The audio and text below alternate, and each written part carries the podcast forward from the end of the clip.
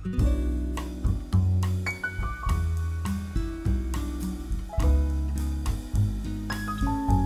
dobry, dzień dobry, dzień dobry. Ja nazywam się Robert Banasiewicz i jestem terapeutą.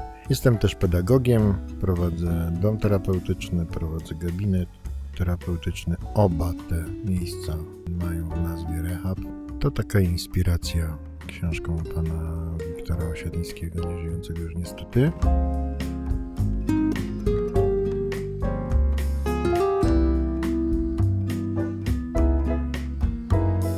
Od czasu do czasu też mówię tutaj do sitka takiego, co się nazywa mikrofonem i robię z tego mówienia krótkie audycje internetowe.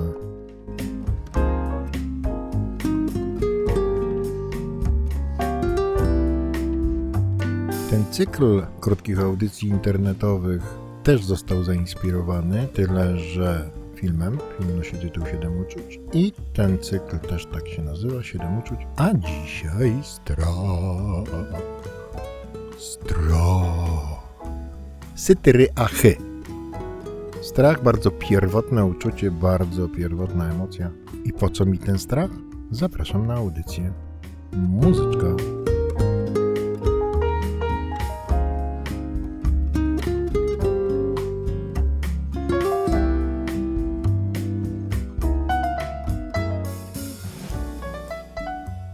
Strach.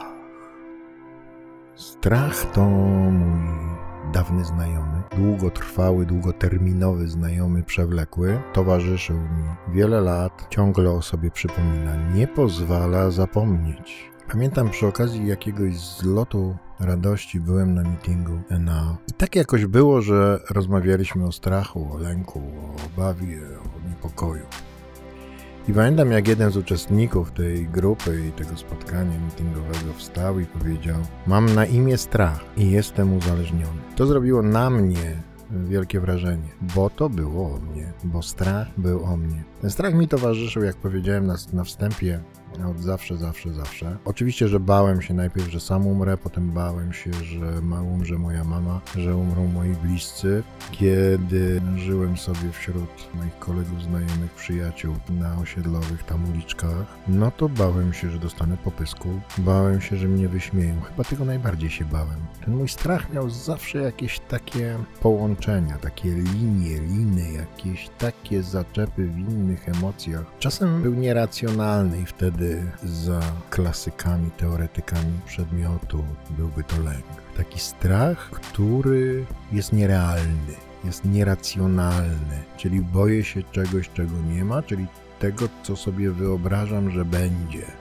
Ja też miałem i taką odmianę tego strachu. Oczywiście nikt mi wtedy nie powiedział o tym, że strach jest bardzo pierwotny i że on ratuje często życie, pozwala mi się zatrzymać albo uciec, pozwala mi ominąć, pozwala mi nie dotknąć, nie doświadczyć.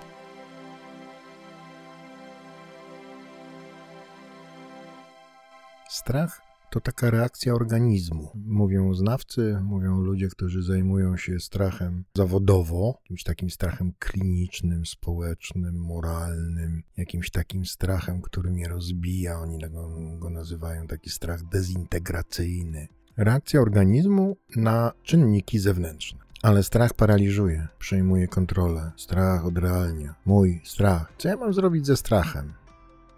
Jak zwalczyć strach, albo jak walczyć ze strachem. No jak walczysz ze strachem, to się go w życiu nie pozbędziesz, gdyż będzie go coraz więcej, on się będzie multiplikował, będzie się dzielił i będzie cię dopadał z jeszcze większej ilości źródeł i atakował z coraz większą siłą.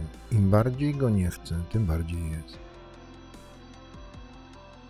Trzeba by go było oswoić. Chyba tak, chyba to jest to, czego nauczyłem się w obsłudze mojego strachu, oswoić strach. Jak go oswoić? Ja czasem tak pracuję. Mówię komuś, ej, ale przecież masz prawo się bać. To, mam prawo. Akurat, masz prawo się bać, bo to się wydarzyło. Czyli mam takie doświadczenia, że tak było. Więc jest prawdopodobieństwo, że to się powtórzy jeszcze raz, bo to twoi bliscy, twoja rodzina, więc w sposób naturalny ten strach się pojawia. Tylko chodzi o to, żebyś pozwolił, pozwoliła sobie na ten strach. Czasem widzę ulgę na twarzy tego kogoś. Czasem sobie to wyobrażam, bo akurat rozmawiam z nim, z nią przez telefon i, i słyszę w głosie, że oddycha głębiej. Uuu, serio? Mogę? Wolno mi się bać? To nic złego? To nie jest okazanie słabości? To nie będzie źle odczytane? Ja nie wiem, jak będzie odczytane. Ja tylko mówię, bój się. Bardzo często strach, który ja przeżywałem, był wystarczającym powodem, żebym czegoś nie zrobił. A że towarzyszył mi w tak wielu, wielu sytuacjach, to bardzo, bardzo, bardzo często uniemożliwiał mi podjęcie działania. W pewnym momencie już tak się wykształciłem i tak się wytresowałem, że jak tylko pojawiała się choćby możliwość odczuwania strachu, to ja już wycofywałem się, to ja już rezygnowałem z tego czy innego mojego zachowania, reakcji, działania. Bo ja sobie wyobrażałem, że działanie jest możliwe tylko w sytuacji, w której nie czuję strachu. Czy taka sytuacja w ogóle kiedykolwiek mi się wydarzyła?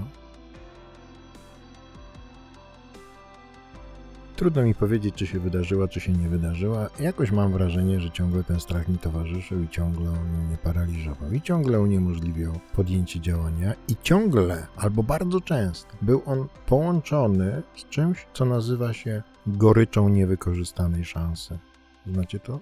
Jest sytuacja, którą chciałbym zrobić. Znam odpowiedź na zadane pytanie w szkole. Myślę sobie, okej, odpowiem. I myśl, a jak to głupie? I znowu się zbłaźnie? I znowu będą się śmiali? A przecież często się ze mnie śmiali. Znaczy, z tego co mówiłem, ale, ale ja myślałem, że ze mnie. No i zatrzymałem się w tym samym czasie. Zdzisiu podniósł rękę.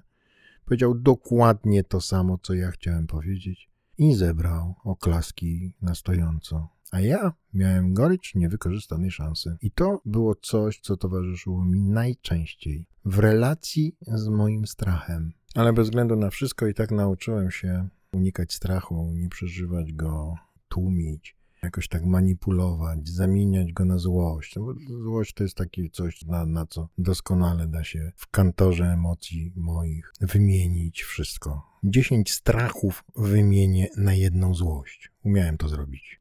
Czyli jeśli chciałbyś, chciałabyś przeżywać prawidłowo strach, to bój się i działaj, gdyż odwaga to nie jest brak strachu, tylko działanie pomimo strachu. Boże, ja pół życia żyłem i ja nie wiedziałem o tym. Nikt mi tego nie powiedział, że odwaga nie jest brakiem strachu że odwaga jest działaniem pomimo strachu, bo tak często przecież słyszałem nie bój się, no to starałem się nie bać. Starałem się wyprzeć ten strach, starałem się go stłumić, starałem się go jakoś tak zachachmęcić i zawsze którędyś wylazł, zawsze z czymś się połączył, zawsze dało sobie znać. Pamiętam mój strach przed tym, że nie przestanę ćpać nigdy. Nie przestanę, bo ja, jak już wam pewnie kiedyś tam mówiłem, pewnie wielokrotnie, wywodzę się z tej szkoły, w której Marek Kotański mówił, z narkomanii wychodzą najlepsi, z narkomanii wychodzą mistrzowie świata, przeciętniacy będą dalej brali. I ja mam wielki, wielki szacunek wobec tego. Naprawdę ogromny. Ja widzę mistrzów świata. Natomiast ja miałem strach, bo ja wiedziałem, że nie jestem mistrzem świata. Ja wyobrażałem sobie, jakie to najlepsze rzeczy ja będę musiał zrobić.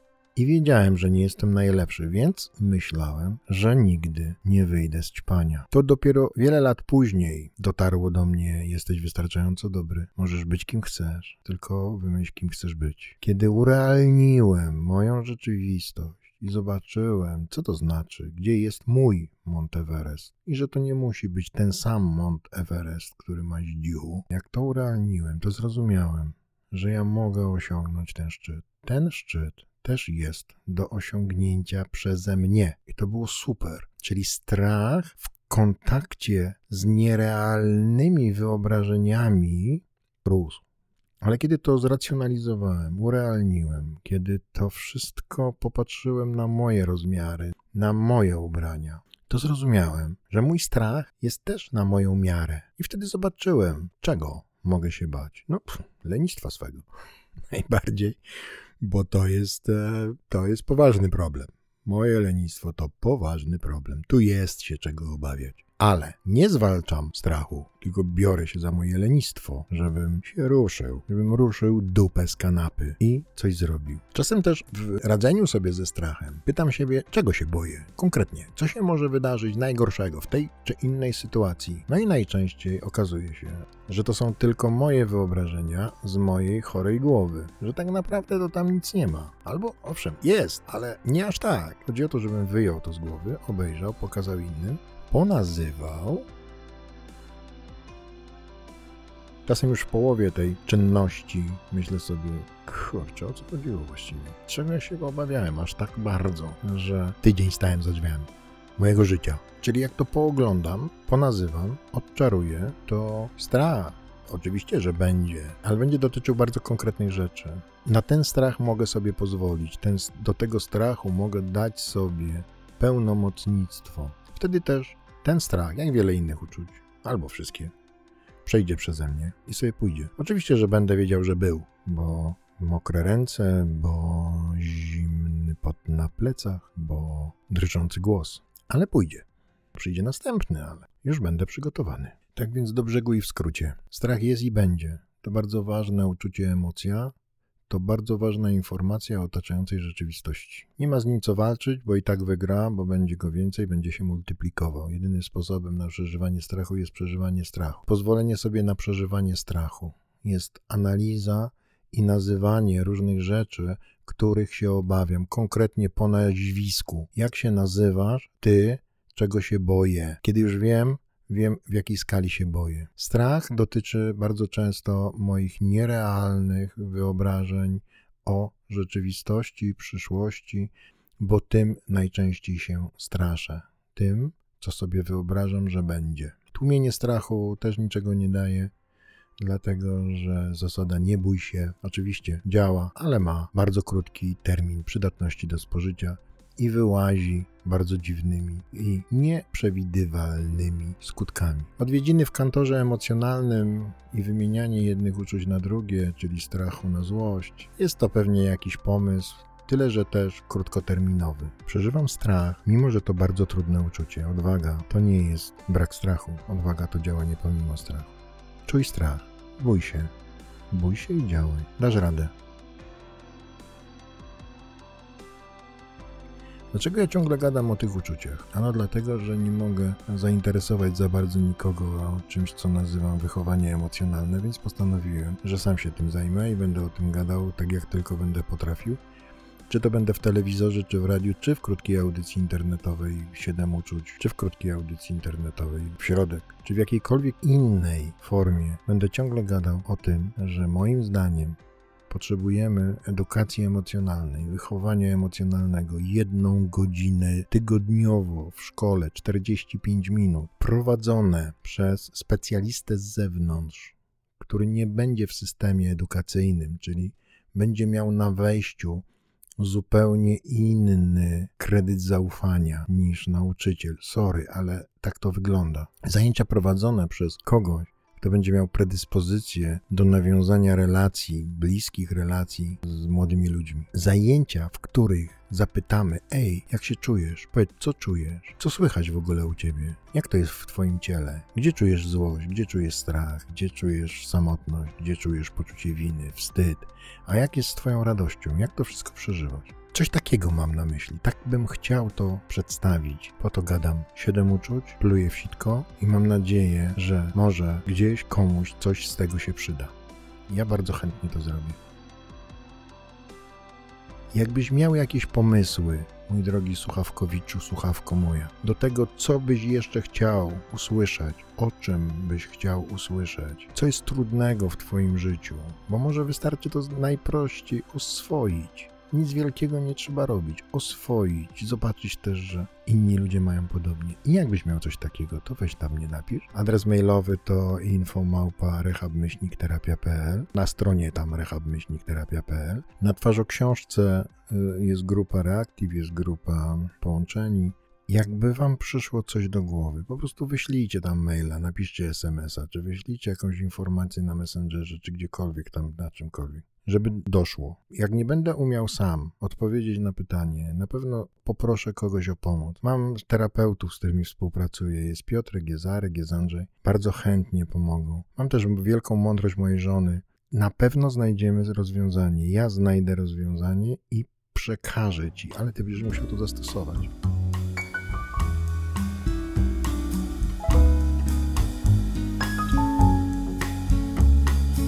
Wszystkiego dobrego i zapraszam na następne krótkie audycje internetowe 7 uczuć.